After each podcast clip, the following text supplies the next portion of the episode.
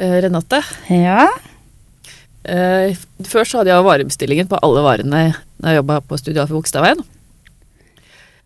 Og når jeg skulle bestille kerastase, så er jo alt på fransk. På fransk. Ja. så hadde veldig mange produkter som jeg hadde problemer med å si, men spesielt sjampo. Det var liksom b, b, Jeg klarer nå klarer jeg nesten ikke å si det engang. Var bæ og brain og Brian og At de skjønte denne bestillinga i det hele tatt, det er jo helt utrolig. Høres veldig fancy ut, da.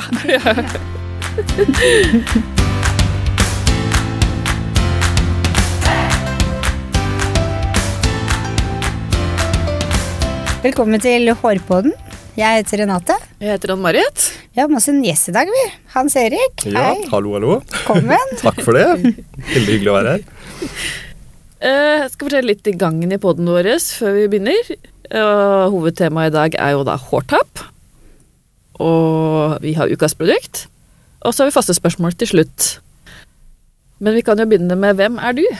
Ja, jeg heter jo da Hans Erik, og jeg har jobba som frisør i en god del år. Og så jobber jeg jo i dag for Loreal, eh, som selger på Kerastase. Så, eh, Det franske merket. Det franske merket. Det store, vanskelige franske merket. Kan du alle navnene? Eh, jeg, jo, jeg skal kunne det, i hvert fall. Jeg Eh, får si hva sjampo er. bæ. Bæ. Bæ, ja. Nå kan jeg ikke fransk, egentlig, så, men jeg prøvde å jukse meg til da, og liksom få uttalen på de uh, varene vi har. så det skal høres sånn passe greit ut. I hvert fall.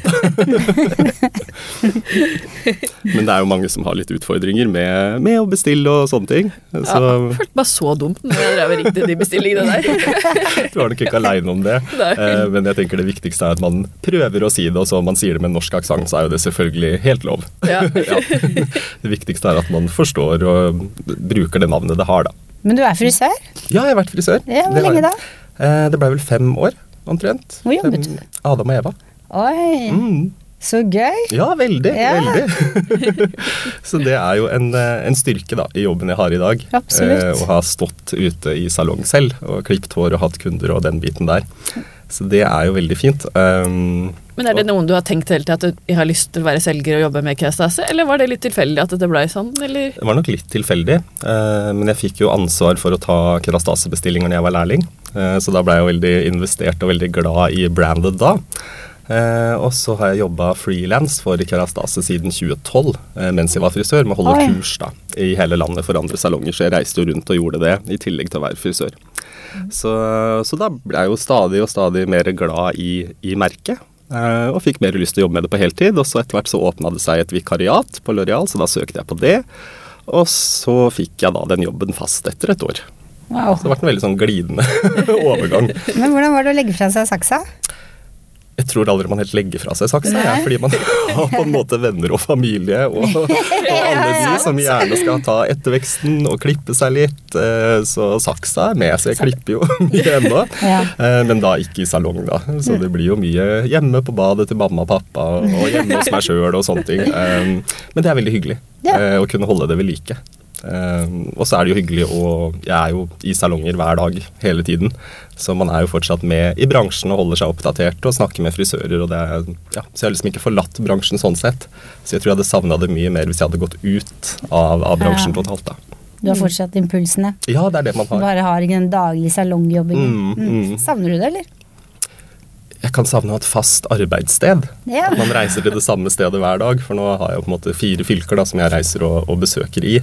Eh, så det er jo på, på godt og vondt at man besøker nye steder hele tiden. Masse masse hyggelige salonger og kunder, men det er jo noen ganger jeg skulle ønske at jeg liksom skulle reise til det samme stedet hver dag. så det går litt opp av det, men, eh, men det er veldig hyggelig, da. Det er det. Altså, det er fire fylker, altså. Ja. Tenkte du bare var i Oslo, Ja? Ja, det er mange som, De i Oslo tror bare det, og de i Vestfold tror jeg bare er der. ikke sant? de i Telemark tror jeg bare er der, og, og samme de i Buskerud. Så det er på en måte, ja. Biler du? Ja. Kjører mye bil. Veldig. Har du en sånn fin bil med karastase? Bæ! Faktisk ikke. Reklame på? Kanskje eh, du kan foreslå det til Loreal, så blir det sikkert det. Men den er, eh, den er litt mer anonym, den bilen. Så det er jo på en måte litt ålreit, det òg. Ja. Så Eh, Hva er bra med kerastase? Oi, det er veldig mye som er bra med kerastase. Det er litt sånn hvor skal man begynne, men um, Kan du ikke begynne fra starten? Jo, kan det, vet du. Selvfølgelig. Eh, kerastase blei jo starta i 1964 av en mann som het Francois Dahl, som var da den andre sjefen i Loreal. Og på den tiden så var jo Loreal bare Loreal. Eh, I dag er vi jo verdens største eh, skjønnhetsleverandør av skjønnhetsprodukter. Eh, men på den tiden så var jo Loreal bare ett merke. Og han Francois Dahl han hadde et hodebunnsproblem.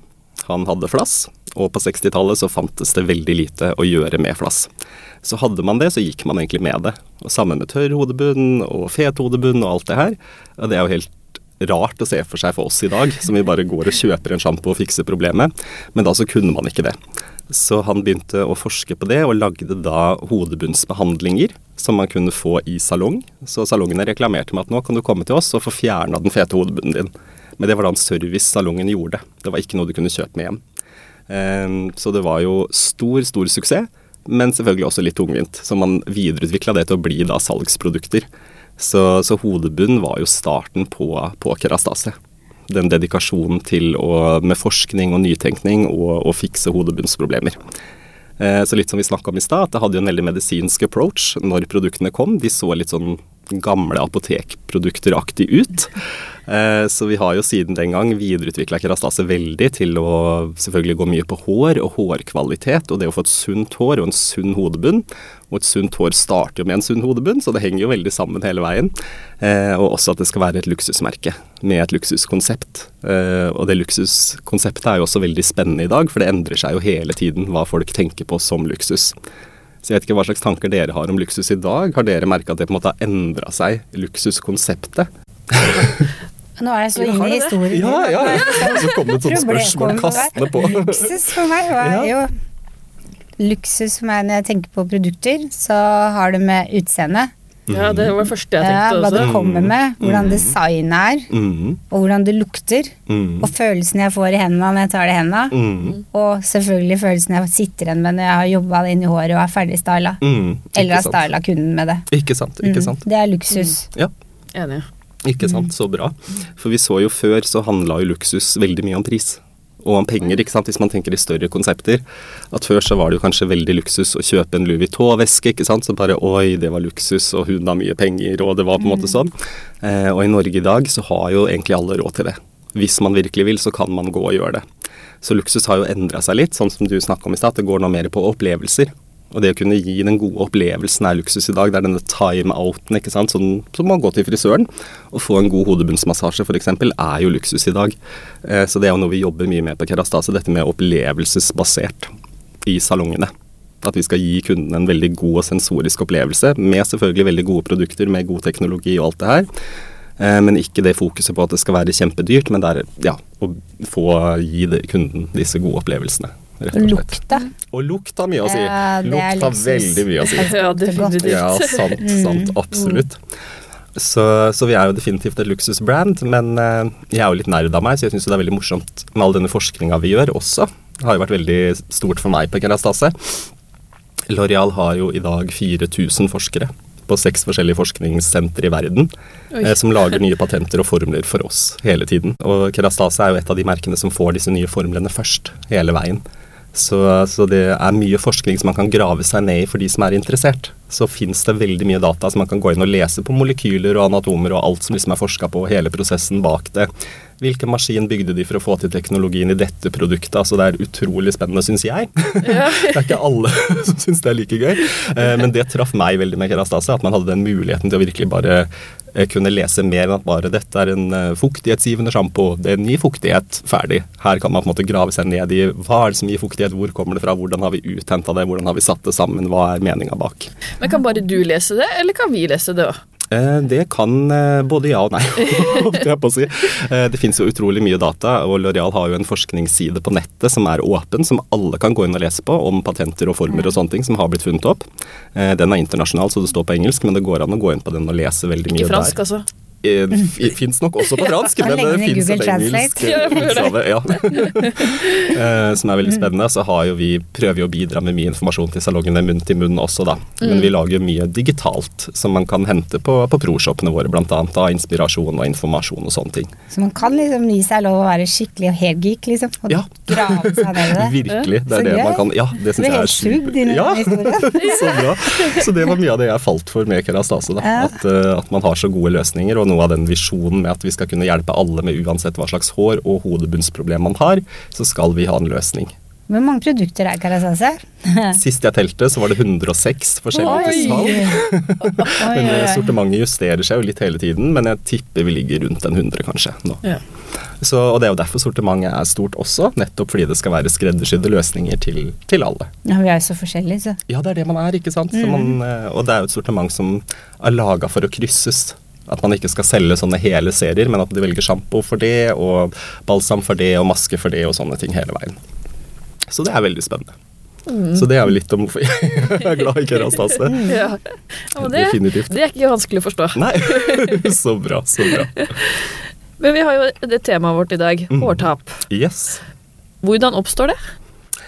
Jo, hårtap det det er jo et stort tema, så vi må jo segmentere det lite grann. Ja. Eh, man kan jo begynne med at eh, alle mennesker vi mister jo mellom 50 og 100 hår hver dag. Og det er helt normalt. Det gjør alle, så det skjer jo når man grer seg, og det kommer hår på børsten, og det ligger hår i dusjen eh, og sånne ting. Så hvis det er mellom 50 og 100 hår, så er det helt vanlig. Men hvis man begynner å miste mer enn 100 hår om dagen, da kaller vi det for et hårtap. Og det kan jo være genetisk, og det kan være periodisk. Så det er eh, litt eh, forskjeller på det. Eh, periodisk hårtap, det kan jo ramme alle. Og det er jo typisk som kan komme av stress. Det kan komme av utmattelse, av dårlige spisevaner, det kan komme av graviditet og medisiner, og det er ganske mange faktorer som kan bidra til et periodisk håravfall. Ehm, så det er ehm, sånn at det er jo mye man kan gjøre med eh, det periodiske håravfallet. Det er jo enklere å behandle enn det genetiske. For genene våre er jo veldig sterke. Så det som ligger i genene, det er ikke så lett å gjøre noe med. Men periodisk derimot, det kan man jo behandle. Eh, mye av nøkkelen med eh, periodisk håravfall er jo selvfølgelig det å prøve å være mest mulig sunn, er jo en veldig god regel. Eh, trene regelmessig, spise vitaminer, variert kosthold, alle disse standardrådene man får hele livet sant? på alt, gjelder egentlig også på periodisk håravfall. Eh, mange mister jo nå eh, i sesongendringer, altså når det går fra sommer til høst. Og det er gjerne veldig sein høst, det tror jeg ikke alle al alltid tenker over. Men det er typisk der vi er kanskje litt nå. Altså oktober-november er gjerne de månedene folk flest meste mister mye hår. Eh, og også i overgangen da fra vår til sommer, at man kan miste en del hår der. Og det går det jo an å gjøre noe med, hvis man ønsker det. Så på Kerastase så har jo vi forskjellige produkter som går på det. Vi har jo en type ampullprogram, som vi i gamle dager kalte Aminexil, som du sikkert kjenner godt til. Stemmer, eh, ja. Som man kan bruke. Det kommer vi sikkert litt tilbake til etterpå. Vi har jo også noen sjampoer og sånne ting som går på det her. Eh, men i det store og det hele så er det jo det å prøve å leve best mulig og være mest mulig sunn. Og et periodisk håravfall, det varer i tre måneder. Det skal ikke være noe mer enn det. Og hårene kommer jo tilbake igjen. Hvis det har gått mer enn tre måneder, da er det da vi begynner da, å si 'kom deg til legen'? Ja, i hvert fall søk kanskje at man kanskje skal undersøke litt nærmere hva det kommer av. For begynner det å overstige tre måneder, så begynner det å bli et større problem. Da, skje, da er det noe. Ja. Men er det da du liksom har et sånn hårskifte? For da også mister du mye hår, og så blir det stille liksom Ja, tre-fire måneder fra det jo- ligger under. Mm, vi har jo disse, håret har jo disse livssyklusene ja. mm, som det går gjennom. For det skal jo både skapes, og det skal gro, og det skal Ja. komme ut, og det skal sitte på og vokse i denne vekstfasen vi har, og den varierer jo en del fra person til person. Um, men den kan jo gå fra, holdt på å si, fra to til åtte år eller til ti år, og så vil jo håret etter hvert falle ut. da, Og man får en hvilefase. Og hvilefasen kan også variere. Eh, hvilefasen, den eh, kan jo vare noen måneder til noen år, og hos noen mennesker så kan hvilefasen også bli opptil ti år. Faktisk. Oi, at håret ikke vokser? Yes, eh, Og igjen, det kommer også av disse påvirkningene vi snakka om i stad. Det kan komme av stress, eh, medisiner, eh, usunn livsstil. Man får lyst til å banke i bordet, men Ja. det kan man ikke. og da vil man jo oppleve det som at håret blir gradvis tynnere globalt. Altså Det vil jo skje på hele hodet samtidig, at det blir tynnere og tynnere. Um, men man mister jo ikke hår da på den måten som man gjør ved de andre hårtapene. For dette skjer jo så gradvis og så sakte, så du vil kanskje ikke registrere når du grer deg at du mister veldig mye hår. Men sakte, men sikkert så blir det tynnere og tynnere. Eh, og som frisører så har vi vel alle opplevd det med at kunden er sånn Å, hestehalen min var mye tykkere før. Mm. Og så ser dere på hodebunnen og bare ja, tenker vi, men nei. Det er nok noe du tror. man kan lett være litt der. Mm. At man ikke tar det helt på alvor. Eh, men veldig ofte så er det tilfellet at de hadde nok mye mer hår før. Men de har da kanskje mange hårsekker som er i hvilefase. Um, så det går det også an å fikse. Det har vi også et ampullprogram for på Kerastase, uh, som heter Dansifik, som vekker hår som er i hvilefasen. Uh, som vil da gi alle mennesker et fyldigere hår. Uh, så da vokser det ut 3000-5000 hår som er i hvilefase, på tre måneder. Som er da ekte hår som vokser ut. Og det alle har jo til enhver tid hår som er i hvilefase, så det vil hjelpe på, på alle uansett. Om de har veldig tykt hår eller veldig tynt hår, så vil alle få mer hår på hodet. Det hadde vært veldig deilig hvis man kunne velge hvor på kroppen hvilefasen var. Ja. Og aldri på hodet, egentlig. Ikke sant. Ikke sant. Perfekt. Kanskje en teknologi som kommer en gang. Ja, ikke sant. Å få til noe der. Hadde vært spennende, det. Men altså, da, det her er da periodisk, eh, periodisk mm, mm. men de som er genetisk, altså menn som mister hår, mm. er det håp for de? Eller er det Ja, det er det? jo vanskeligere å behandle. Definitivt, ja. siden det ligger i genetikken. Eh, og det er jo flere menn enn kvinner som får et genetisk eh, håravfall. Det er 70% menn som får det i løpet av livet, og 40 kvinner. Ja. Eh, og det skyldes faktisk testosteron. Så forklaringa der er jo ganske enkel, fordi menn har jo gjerne mye mer testosteron enn kvinner. Skal ha, i hvert fall. yes. eh, og testosteronet det lager et sånn biprodukt som heter DHT, eh, som da går til hårsekken og gjør at den eh, forminskes. Du får rett og slett en mindre hårsekk, og gjør det vanskeligere for hårsekken å overleve. Så dette biproduktet av testosteron kveler rett og slett hårsekkene til menn. Som gjør at, at de får dette genetiske hårtapet, faktisk. Men kan man forebygge, eller er det liksom egentlig ikke noe vits? Uh, vi sier jo at man kan forebygge. det, er veldig, det er jo definitivt håp. Jeg tenker alt hjelper jo. Altså Man burde jo definitivt prøve, for jeg opplever jo, det opplever sikkert dere òg, at mange menn kapitulerer veldig. Og nå begynner jeg å miste håret, og der var det kjørt. Altså Nå er det bare å legge seg ned, for dette håret går, og faren min har mista håret, og broren min, og det er liksom De er veldig fort ferdig, da. Altså sånn, Det er veldig kjipt og veldig vanskelig, og så gidder vi ikke å prøve engang. Men skal ikke menn se på ikke faren sin, men familien til moren sin? Egentlig? De sier det, ja. eh, og vi har sagt det. Eh, siste forskninga er litt uklar på det, ja, okay. for de, jobber mye med det her.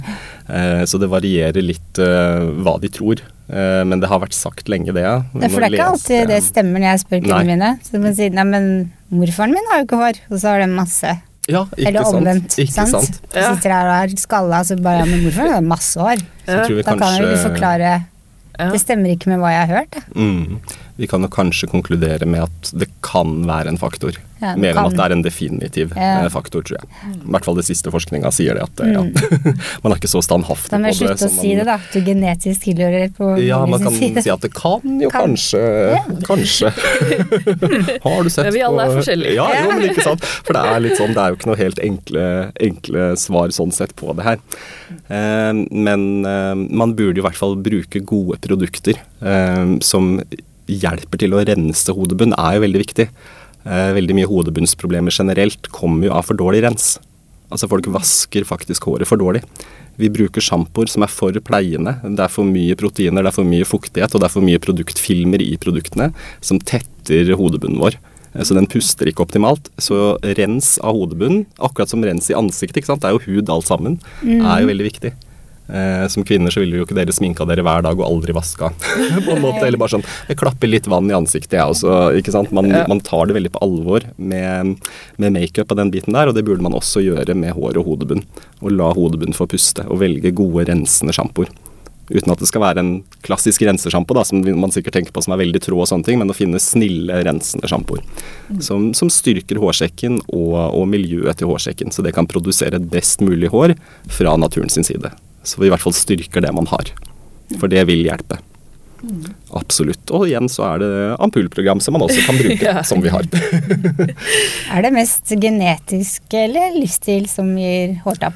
Det er et utrolig godt spørsmål. Ja, Eh, så bra. faktisk. Eh, litt vanskelig for meg å svare på. Jeg har ikke klart å finne noe data på akkurat det. Eh, men det vi kan si er jo, som vi var inne på i stad, at 70 eh, av menn vil jo oppleve et genetisk hårtap i løpet av livet. Eh, så det er jo ganske mye. Men når vi tenker da periodisk hårtap, så er jo det noe samme person vil få gjentatte ganger, eller kan få. Så sånn prosentmessig mellom de to, så vil det kanskje være mest periodisk, siden alle mennesker kan oppleve å få det, og mest sannsynlig vil oppleve å få det i sesongendringer og sånne ting. Så kanskje det er mest periodisk, faktisk. Vil jeg tro. Eh, når det er sagt, så vokser jo håret vårt ut bare 25 ganger, da. Så etter, eh, etter det har vokst ut et hår 25 ganger, så kommer det ikke mer hår. Hæ? Ja, Det var skikkelig dårlige nyheter. var det nyheter? Ja. Ja, det var- Eh, Nå må jeg regne 25 mm, ganger 7, for det tar 7 år, gjør det ikke det? jo, kan, kan gjøre. da må jeg sjekke. 7 ganger 25 Det har jeg faktisk aldri hørt. Nei, du har ikke det? Nei. Nei. Da er det jo 175 175 Nei, matte og meg, det var skikkelig dårlig. Ja, vi er frisører, er vi ikke? Nei, for, 25 ganger vokser ut, og så det tar syv år imellom hver mm.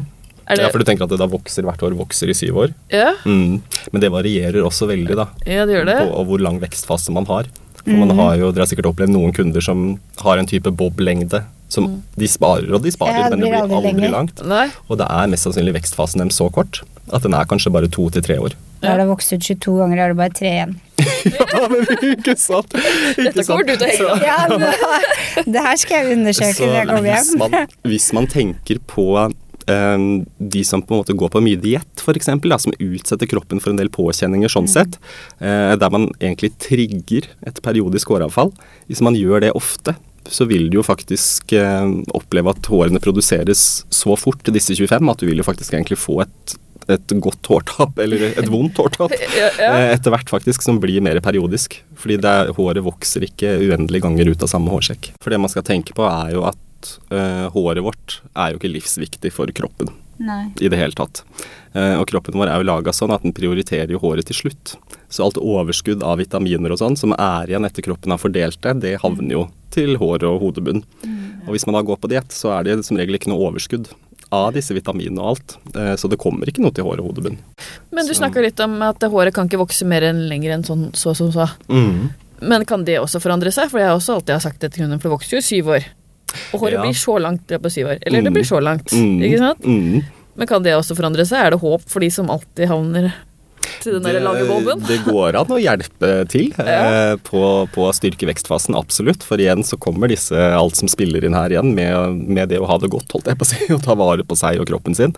Eh, så jo flinkere man er til det, og igjen få i seg disse vitaminene og, og gjøre som man skal, holdt jeg på å si, eh, så kan det også hjelpe til at man får en lengre vekstfase, ja. Ja. Eh, Men så er det jo genetikk med vekstfase også. Eh, Hvis vi ser på kvinner i India, så er det ikke så mye grenser på hvor langt hår de kan få. Eh, De får jo gjerne kjempe, kjempelangt hår, og de kan spare og spare, og det vokser for alltid. ja. Eh, Det går liksom ned til bakken til slutt. Eh, Det er ikke så vanlig her i Skandinavia. Nei, det Om de sparer og sparer, så blir ikke håret så veldig mye lenger enn litt ned på ryggen, stort sett. da. Noen ser man jo er heldigere enn andre og kan få veldig langt og tjukt hår, men de fleste gjør ikke det, og det er genetikken vår her oppe, rett og slett. Som gjør at vekstfasen vår den er ikke uendelig. Nei, ikke sant. Den, den stopper. Sånn ja, rundt fem til syv år, stort sett. da. Men hvis du på en måte har vært under cellebehandling, mm. så har jeg sett at kundenes hår forandrer seg. Mm. Fra kanskje å ha glatt hår, så har det blitt krøllete og veldig langt Mm. på noen år. På godt voksne damer. Mm. Men da er det cellene da, som er blitt Ja, skjer Genetikken som er blitt ja, endra. Det har skjedd en eller annen påvirkning der da Ja. eh, i, i genetikken. Akkurat det her er eh, også et veldig stort forskningsområde, så jeg skal ikke påstå altfor mye her nå, kjenner jeg, så ikke jeg havner for langt utpå. Men, eh, men ja, det skjer, eh, skjer definitivt eh, noe under disse behandlingene ja, som gjør at det endrer seg. Ja. Absolutt. Så for mange opplever jo da å kunne få tilbake et kraftigere, fyldigere hår.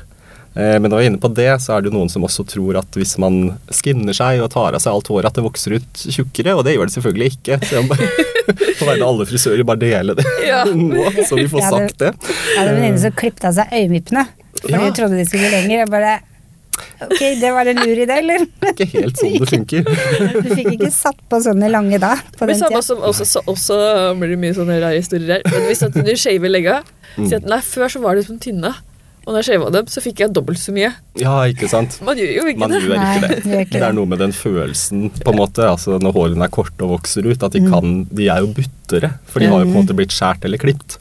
Eh, Så de har ikke den tynne spissen som man kjenner når det er naturlig. Men det er sånne myter. Mm, det er det samme det er som du sier at hvis du myter. klipper tuppene ofte, så vokser håret fortere. Fra Mm. hvor da? Det vokser jo ikke nedenfra opp. Nei. Nei. Men det, hvis det som skjer, det er sikkert det du sier òg Hvis du ikke klipper tuppene dine, så deler de seg. Ja, da må og da deler de seg mer. oppover. Ja, det er sant. Så du må jo klippe deg. Ja. Men men, Men det vokser jo ikke fortere av den grunn der. Nei, Det er veldig sant. men det er jo Ja, ikke sant. den måten vi snakker på. Ja, det er det der. Det er det med kommunikasjon, da. Å få, få Få det til å riktig. forstå. Ja, veldig viktig. For det høres veldig rart ut. Mm. Klipp håret oftere, og da vokser det fortere. Mm. Ja vel. Ja, nei. Hvis man blir veldig dedikert på det, så får man i hvert fall bare kortere og kortere hår. Så? Men- så det, ja. Men en boble jeg er veldig om dagen, Ja. er jo gravid og hårtap. ja, selvfølgelig. selvfølgelig ja. Jeg skal jo få min nummer tre nå. ja, ja, gratulerer. Takk. Eh, og nå, som de to andre gangene, så er håret mitt blitt tjukkere når jeg går gravid. Mhm. Ja, fantastisk. Elsker Ja, nå. god følelse. Ja. Eh, og så får man jo barnet, og så blir det mindre. Mhm. Nå, nå har jeg vært veldig heldig, jeg har ikke fått mista så mye, men Nei, nei, så gå bra. tilbake til det normale, da. Ja, ja, ikke sant? Det som er med, med graviditet og hår, da, det er jo det at uh, her er det veldig mye hormoner i sving når man er gravid. Eh, og det som skjer, er at det, det øker jo, hormonene øker jo under graviditet. Eh, og da så, så sparer de rett og slett på håret. Så man mister ikke eh, så mye hår når man er gravid som man gjør ellers. Eh, og da etter du har født, sånn gjerne tre til fire måneder etter man har født, så, så kommer håravfallet. Og da kompenseres det for det håret du ikke har mista Ja. på forhånd.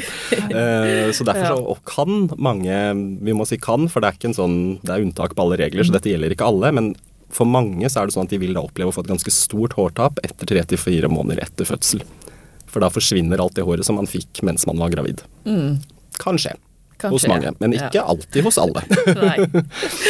Det er klart, Når jeg er frisør, så har jeg tatt alle forbehold og begynt Mm. med da ampullene som du snakker om. ja, det har jeg testa på begge. Ja, I god tid i forveien. Ja, smart. det eneste jeg ikke har gjort, som jeg tenkte jeg skulle teste denne gangen, er å fortsette med vitaminer. Ja. For det snakka vi jo litt om innledningsvis. Um, for det er jo det forebygging når det gjelder graviditet, er jo det å bare booste opp vitaminnivåer, altså tilføre hodebunn og hårsekk og, og kroppen generelt masse vitaminer, så når etter du har født, så har den litt å gå på. At man kan tenke at man bygger nesten kanskje et lite lager, da. Så når kroppen begynner å gå tilbake til normalen etterpå, så har den litt mer å gå på enn den ville hatt ellers. For det kan hjelpe til at man ikke mister fullt så mye hår. Men uansett så vil jo håret gå tilbake til den vanlige syklusen, mer Ja. eller mindre. Ja. For den må på en måte gjenopprette seg sjøl, og, og det gjør den. Ja. Men det går an å minimere både denne økningen av håret man får, og da selvfølgelig tapet man får etterpå også. Men er det da, skal man da gå for vitaminer for kjøp på apotek og helsekost, eller skal man gå på vitaminer som er liksom lagd for hår? Sånn hair and skincare og Har dere sånne vitaminer? Nei. eh, på Kerastase så har vi faktisk hatt det, eh, men ikke så vidt jeg vet, så har vi ikke hatt noe særlig til salg i Skandinavia, men vi har hatt det internasjonalt tidligere. Eh, på L'Oreal er vi veldig tidlig ute med ting, så vi var nok litt eh, ti år for tidlig ute. for at markedet var ikke helt der. Vi ser jo i dag, så er det jo veldig stort marked for det. Nå skjer det jo veldig mye rundt det, men vi var litt, eh, vi var litt tidlig ute, vi. Men jeg vil jo si at vitaminer har alltid noe for seg. Eh, men det er jo da hvilke type vitaminer det er. Eh, og om du da kjøper de i en pakke som skal være spesifisert for hår og negler, som det gjerne er, eller om du kjøper de på en måte løst eller finner gode ting på apoteket, så tror jeg ikke det har så mye å si. Men det er jo viktig at man leser hva som faktisk er i. Eh, hvilke vitaminer er her, hvor mye er det av hver? At man setter seg litt inn i det.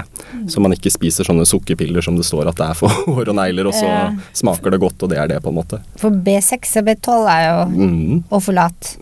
Det er jo kjent for å være bra for hår. Veldig, og sink og magnesium. Yes, absolutt. Så det er definitivt ting man burde få i seg. Det er det. Men hvis, kan man tenke at eh, For at det er ikke bra for for mye. Burde man gå til lege for å sjekke at eh, dette har jeg behov for, liksom? Eller burde man bare ta det fra i dag av og resten av livet. B-vitaminer er ikke noe farlig i det hele tatt, for at det er vannoppløselig. Så det kroppen ikke trenger, det går ut via urin og svette. Mm. Okay. Det er mer sånn jeg tror det er D-vitaminer og E-vitaminer og sånn, at man bør gå og sjekke. At man ikke får for mye. Og jern, selvfølgelig, for jern. Mm, Å ha for mye jern er absolutt ikke bra. Mm. Ikke for lite heller. Ja. Så det skal man være forsiktig med. Men Ja. B-vitaminer er safe. ja. Mm. Og sink og folat. Ja, folat er jo en del av et B-vitamin. Ja, Mm. ja, ser man. Sink er jo det som er i alle sånne sjampoer som er for tørr hodebunn. Det er jo for bleiutslett, f.eks. når babyen din kommer. Så er det jo sink som hjelper det. Mm. Så det er fint mot eksemer og sånn også, at man får det inn innenfra. Mm. Du kan mye, du. Ja, Ja, så bra. Helt imponert. Hårtransplantasjon. Ja. Yeah. Eh, også noe som blir stadig mer aktuelt. Vi ser jo at det dukker stadig flere sånne klinikker opp, holdt jeg på å si. Eh, personlig så tenker jeg at det er kjempefint. Eh, for som frisører så vet vi jo dette at hårtap er jo traumatisk for veldig mange. Det går jo veldig på selvfølelse. Eh, For mange menn så er det jo veldig tabu å snakke om også. At man kanskje ikke Er det noen man kan snakke med det om, så er det jo frisøren sin, da. Så det er også en oppfordring til alle frisører at man må tørre å snakke med kunden om hårtap. Og selvfølgelig finne gode måter å gjøre det på, og ikke skrike ut at hei, hei, her går håret.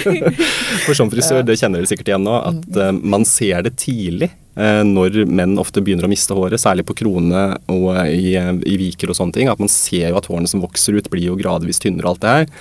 Og så er det det å finne en god måte å si det på, da. Eh, Så man kan begynne å behandle det eh, før det er for sent. Men det er sant, det. Du blir litt sånn derre Skal jeg virkelig nevne dette her, eller skal jeg ikke? Det er vanskelig. Ja, det er det. spør òg. Ja.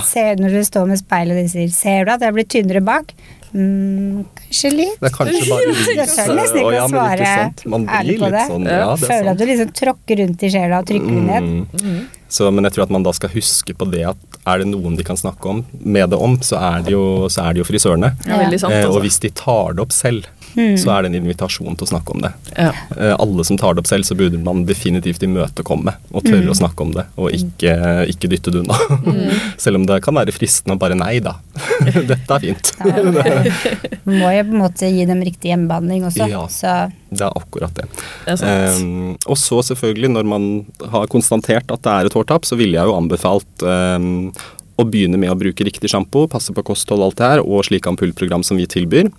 Um, og prøve det først, vil jeg alltid anbefale. Eh, men hvis det da har gått for lang tid, eh, at de er for sent i prosessen og sånne ting, så vi vet at det ikke kan komme hår tilbake, for det er jo gjerne sånn, har det vært blankt på et område i mer enn tre til fem år, så vet vi at der kommer mest sannsynlig håret absolutt ikke tilbake. Så vil jo jeg definitivt ha anbefalt en hårtransplantasjon, ja. Eh, For selvfølelsen sin del, eh, og fordi de har jo fått veldig god teknologi på det området i dag. Eh, Så det ser jo stadig mer ekte ut, og, og man ser jo nesten at folk blir mer fornøyd når de får hår tilbake. Så jeg syns jo det er fantastisk at man har de mulighetene. har dere noen sånne samarbeidspartnere dere anbefaler på det området? Eh, nei, eh, sånn offisielt så har vi vel egentlig ikke det. Eh, det blir jo på en måte Det her blir jo mer kirurgisk og sånn inngrepsmessig. Eh, Så det er eh, Det skiller seg veldig ut fra hva vi driver med sånn sett. Mm. Så vi holder oss til vårt. Det. Vi har vel ukas produkt. Og det tenkte vi du kunne ta i dag. Ja, Ja. siden vi er veldig på tema, så må jeg da anbefale Bæ Prevention, som er vår håravfallssjampo som forebygger og behandler et periodisk hårtap. Så det er en sjampo man bruker som normalt når man vasker håret. Viktig å vaske håret med to sjamponeringer, da, som dere sikkert ofte sier til deres kunder. Eh, den inneholder en, en antibakteriell agent eh, som eh, forebygger det, og den har også jobber den med mikrosirkulasjon og ivaretar hårsekken og håret. Så igjen her så styrker vi hår og hodebunn så mye vi bare kan for å gi et optimalt vekstmiljø for hår og hårsekk i en sjampo. Men en sjampo er jo bare en sjampo. Eh, For det skal man også være ærlig på, at en sjampo det er jo hovedsakelig en såpe, og det er lagd for å rengjøre og for å rense. Det er veldig viktig. Så vi tilbyr jo også derfor disse ampullprogrammene, som tidligere var kjent som Aminexil, som i dag heter Cure Anti-Shoot. Som er et ampullprogram som man påfører da én liten ampull hver dag i seks uker. Eh, Gjerne før man legger seg om kvelden. Eh, og dette er jo da en væske som er i disse ampullene, som blir på eh, hodebunnen, gjerne da natta over. Så den ligger og virker på lang sikt. For man skal tenke på at alt man bruker av sjampo, det vasker man veldig fort av igjen. Så ting som blir på hår og hodebunn, det er jo ting som virkelig gir effekt. Som ligger og jobber da, eh, hvis man tar det om kvelden, natta over. Så det er det man får best effekt av. Eh, og det er jo selvfølgelig mye sterkere virkestoff i slike ampullsett også. Så her jobber vi mye med kollagenet eh, ned i huden, og mykgjør det, og får en mykhet til, eh, til hår og hårsekk. Eh, og styrker da også her med masse vitaminer og påfyll for, for hår og hårsekken. Så det kan bli så bra som mulig. Yes. Tar du den i vått hår eller tørt hår? Eh, det har ikke så mye å si. Det viktigste er at man påfører hver dag. Okay. så det er liksom, Man skal ikke gjøre det for komplisert. Så vi sier ofte at uh, hvis man får en rutine med å gjøre det etter man har pussa tenna f.eks., og bare påfører den ned i hodebunnen, masserer lett inn, så er det det. Man trenger ikke å vaske håret først f.eks., for, eksempel, for det er mange som tror det at man må vaske håret først, og det må du ikke. Har man brukt veldig mye styling, så er det kanskje en fordel å gjøre det, men hvis ikke, så kan man bare påføre rett på. Ja, for ellers blir det litt ork. Ja, det er det de Det gjør òg, ikke sant. Åh, det ja. det er akkurat det. Det er ikke noe ålreit. Så må gjøre det på en god måte. Så det vil jeg anbefale til alle som sliter med et periodisk eh, hårtap. Så bra. Yes. Ja. Du, hva er dine hårrutiner? Å herregud, det spørsmålet gruer jeg meg egentlig litt til. fordi Høres sikkert ut som jeg skal være veldig selger, men jeg har et ganske kraftig hår som er veldig naturlig tørt, så jeg bruker veldig mye produkter. eh, selvfølgelig også fordi man har enkel tilgang som frisør eh, på produkter. Så jeg vasker jo håret én til to ganger i uka. Eh, og bruker gjerne ganske tunge produkter. Eh, bruker alltid kur og ikke balsam, bare for å få tyngden og for å få fuktigheten. Eh, og lar da kuren gjerne sitte og virke en god stund også. Eh, og når jeg kommer ut av dusjen, så bruker jeg vel to-tre kremer eh, som er utglattende og volumtemmende. Og gjerne en olje eh, og en paste og kanskje et skum. Så det er gjerne en seks til åtte Livin-produkter, faktisk. Ja. Ja, men du har tjukt hår, da. Ja, så spiser det på en måte produkt. Så selv om jeg ikke vasker håret hver dag, så må jeg påføre på nytt hver dag allikevel. Med Så du bruker alle de produktene selv om du ikke har vaska det? Nesten. Ja. Jeg dropper kanskje olje av noen av kremene, men jeg er kanskje nede i tre produkter hver dag. da. Oi. Så for det, det håret bare, som sagt, det spiser bare produktet. Så Som jeg ser det, så har du et fantastisk hår, da. Jo, takk. Det er veldig hyggelig. Det er et veldig takknemlig hår, da, som er enkelt å style og enkelt å jobbe med. Men det krever litt mye produkt. Det, Ja. Perfekt å jobbe med det du jobber med, da. ja da, det er det, er det definitivt. Absolutt. Hva er det beste med å være frisør? For meg så var nok det beste med å være frisør å møte så mange mennesker og høre så mange historier. Eh, og bli kjent med så mye fine folk. Og på en måte man kommer veldig tett inn på mange. Det kjenner dere sikkert som at mange faste kunder. At man blir nesten sånn Det blir nesten litt sånn familie. At man får høre om hva som skjer i livet deres, og liksom Ja. Om holdt på å si dems fødsler og barn og konfirmasjoner, og at de gifter seg. Og det er liksom sånn man følger de jo eh, over en lang periode, som er utrolig hyggelig. Så jeg merker jo at eh, nå som jeg ikke har kunder i salong lenger, så er det jo en del av det jeg tenker på. Jeg lurer på hvordan går det med de? Ja, det gjør det. Hva har skjedd med barna dem? Så har de begynt å studere, og man blir veldig sånn. Så det var en utrolig hyggelig bit av det, altså virkelig. Og selvfølgelig det å være kreativ også. Og kunne utfolde seg kreativt. Men føler du det om de Du har jo nye typer kunder i dag. Ja. Føler du det om de, eller? Blir det på samme måten, eller blir det ikke det? Jo, altså eh, Med noen av de så gjør det definitivt det, men det varierer litt hvor god tid man har i salongen. For salonger er jo ganske hektiske miljøer. Eh, Så jeg har jo utrolig mange fantastiske salonger og kunder. Eh, Og noen av de får man prata ganske lenge med, noen ganger, og andre ganger ikke. For vi må selvfølgelig snakke mye fag, og hva som kommer av produkter og sånne ting, og hvor mye de skal bestille og alt det her. Eh, Men ja, det er litt på samme måte, det er det definitivt. Man blir veldig godt kjent med de også. Så jeg har jo mange salonger der sånn Å, skulle ønske jeg bare kunne jobbe her, egentlig. For det er så koselig der, så man blir nesten litt sånn Kanskje jeg bare Men så går det liksom ikke an å velge ja, så går det ikke an å velge én av de heller, da. Så det er det som er vanskelig igjen, at jeg skulle helst ha jobba litt i alle, egentlig. Hva er det verste med å være frisør? For meg så var det vel Jeg er jo ganske høy, så det var vel at jeg fikk veldig vondt i ryggen på slutten eh, når jeg jobba aktivt. At jeg fikk aldri kunden i stolen høyt nok. Eh, så jeg måtte alltid bøye meg, så jeg hadde veldig mye vondt i korsryggen. Eh, så det var det Belastninga på kroppen var vel egentlig den som var verst for meg eh, på slutten. Eh, og så følte jeg at jeg hadde lange dager eh, av og til, og veldig stressende dager. Eh, etter jeg begynte den jobben her, så har jeg fått et helt annet perspektiv på hva lange dager er. Så nå ser jeg ikke på det sånn lenger. Så jeg er veldig takknemlig for det, for det jeg hadde. Ja. Absolutt. Og det jeg har nå, da, selvfølgelig. ja, for det er lange dager. Det er det, altså. Det er på en annen måte eh, i de forskjellige yrkene. Eh, klart Som frisør så står dere Man står jo veldig mye. ikke sant? Det er jo veldig belastende. Man står rett opp og ned. Du går veldig mye. Du sitter veldig lite. Eh, I den jobben jeg har i dag, så, eh, så står man jo ikke så mye, men man kjører veldig mye. Og ti, det blir veldig mange timer på jobb, da. Det gjør det. Så, men igjen så får man jo så mye påfyll av de man omgås med, så det, det gjør det jo definitivt verdt det. Ja. Og det å jobbe med et så spennende merke da, som Kerastas. Så bra. Da var vi veis ende, da. Jeg vil takke Jo, Nei, tusen takk for at jeg fikk komme. Det var veldig hyggelig. koselig å ha deg. Ja, like så, jeg si. Og så må vi takke Studio Alf for at vi får drive med denne podden. Ja, Og så får vi takke for oss. Takk for oss. takk for oss.